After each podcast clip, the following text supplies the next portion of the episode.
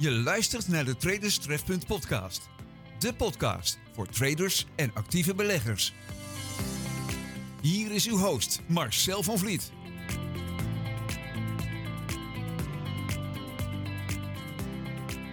Sell in May and go away. Is dit handelsgezegde nog wel actueel?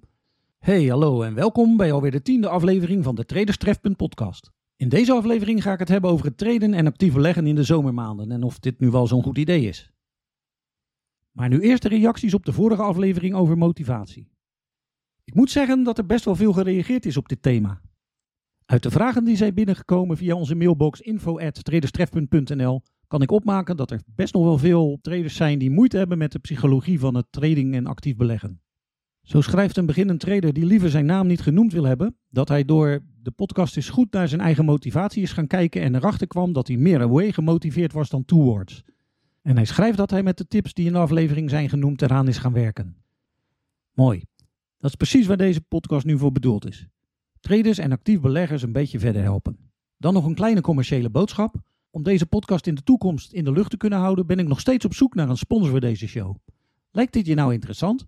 Neem dan contact op via info.traderstrefpunt.nl om hierover eens met mij van gedachten te wisselen. En natuurlijk kun je hier ook voor al je andere reacties terecht. Nu snel aan de slag, voordat het alweer tijd wordt voor de siesta, om er even in zomerse sferen te blijven. De Traders Trefpunt podcast met Marcel van Vliet. Het gezegde sell in May and go away is ontstaan doordat historisch gezien vanaf mei de markt als een plumpening in elkaar zakte. Hiermee bedoel ik natuurlijk een gebrek aan volume dat nu eenmaal nodig is om de markten te stuwen. Of dat nu omhoog of omlaag is. Het gebrek aan volume is eenvoudig te verklaren doordat veel fondsmanagers vanaf mei met vakantie gaan. Natuurlijk wordt dit wel voor een gedeelte gecompenseerd door de toename van het aantal retail traders die juist hun vrije tijd in de vakantieperiode benutten om te gaan traden. Maar dit genereerde nooit meer volume dan de orders van de big boys. Inderdaad, genereerde, want vanaf 2015 kwamen er nieuwe spelers in de markt. De high frequency traders. Deze high frequency trading bedrijven handelen via algoritmes en dat gaat letterlijk per nanoseconden. Deze algo's maken duizenden trades per dag en gaan 24-7 door. En natuurlijk zonder vakantie, lunch en koffiepauzes en dergelijke en ook zonder arbeids- en rusttijdenwet. Ondanks dat de algoritmes wel wat meer beweging in de markt genereren, is het toch niet voldoende om de gemiste beweging door de vakantiegangers te vervangen.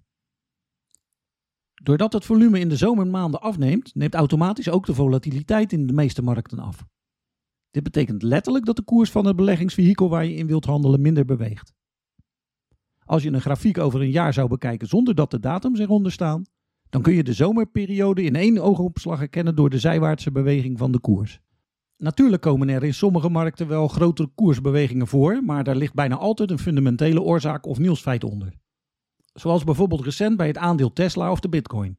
En denk ook eens aan de presentatie van kwartaalcijfers van beursgenoteerde bedrijven, bedrijfsovernames, een IPO of een naderende expiratiedatum van futures of opties. Een IPO is overigens een nieuw aandeel dat wordt gepresenteerd op de beurs. Veel van de traders die handelen tijdens de zomerperiode reageren op deze katalysatoren bij gebrek aan beter. En ook best wel een aantal op basis van FOMO, de gevreesde fear of missing out. Ook de traders die zichzelf een doel opgelegd hebben dat geen rekening houdt met de verschillen in de seizoenen, reageerden soms met de moed en wanhoop. Zij moeten immers handelen om hun doel te kunnen halen. Door je strategie of handelsmethode goed te testen, zowel backtest als forward performance testing, kun je voor jezelf analyseren hoe deze het doet in de zomerperiode. Backtesting komt neer op het terugkijken in historische data. Dit kan zowel handmatig als door middel van speciale backtesting software. Forward performance testing is de officiële term voor paper trading, of demo trading, zoals wij het in Nederland en België noemen. Hierbij wordt het traden en actief beleggen gesimuleerd en kan de data worden gebruikt om je strategie te evalueren en de waarschijnlijkheid van de strategie uit te rekenen.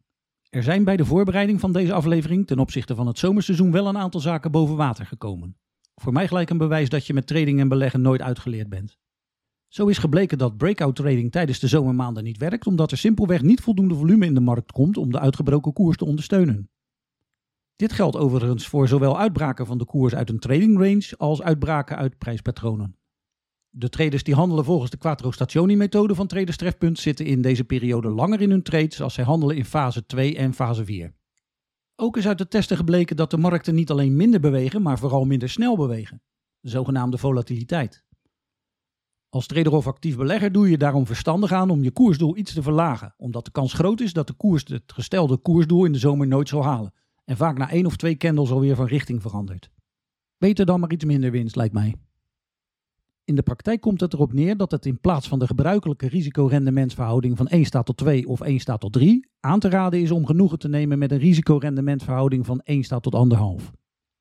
Wat er ook niet echt aan te raden is, dat is om te handelen vanaf je vakantieadres, het zogenaamde trading and traveling. Ten eerste is er veel te veel afleiding door veel leukere zaken dan trading. Daarnaast is vooral in het buitenland, als het er überhaupt al is, het internet meestal traag of is er geen wifi of wifi zoals sommigen zeggen, waardoor je dataverbinding uiteindelijk meer kan kosten dan hij met traden oplevert.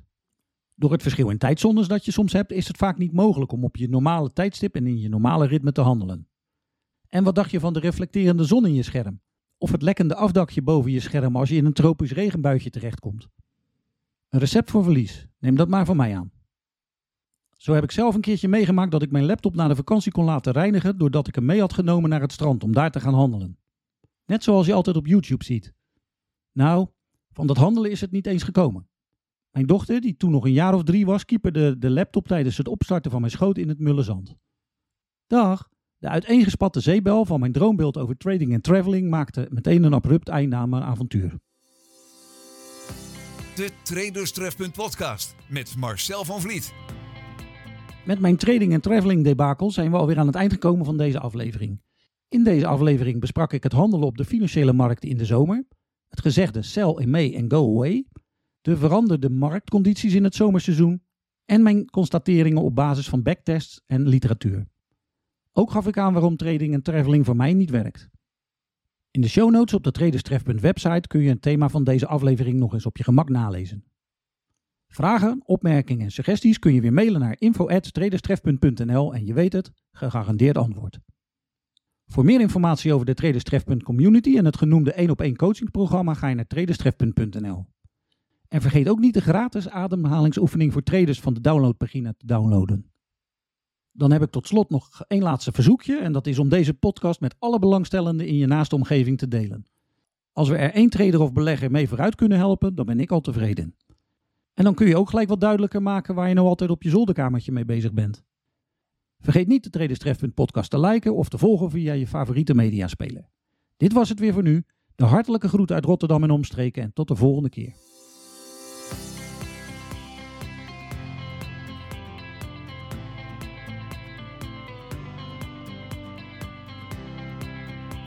Je luisterde naar de podcast. Kijk wat Traders Trefpunt voor jouw reis naar succes op de financiële markten kan betekenen op traderstrefpunt.nl.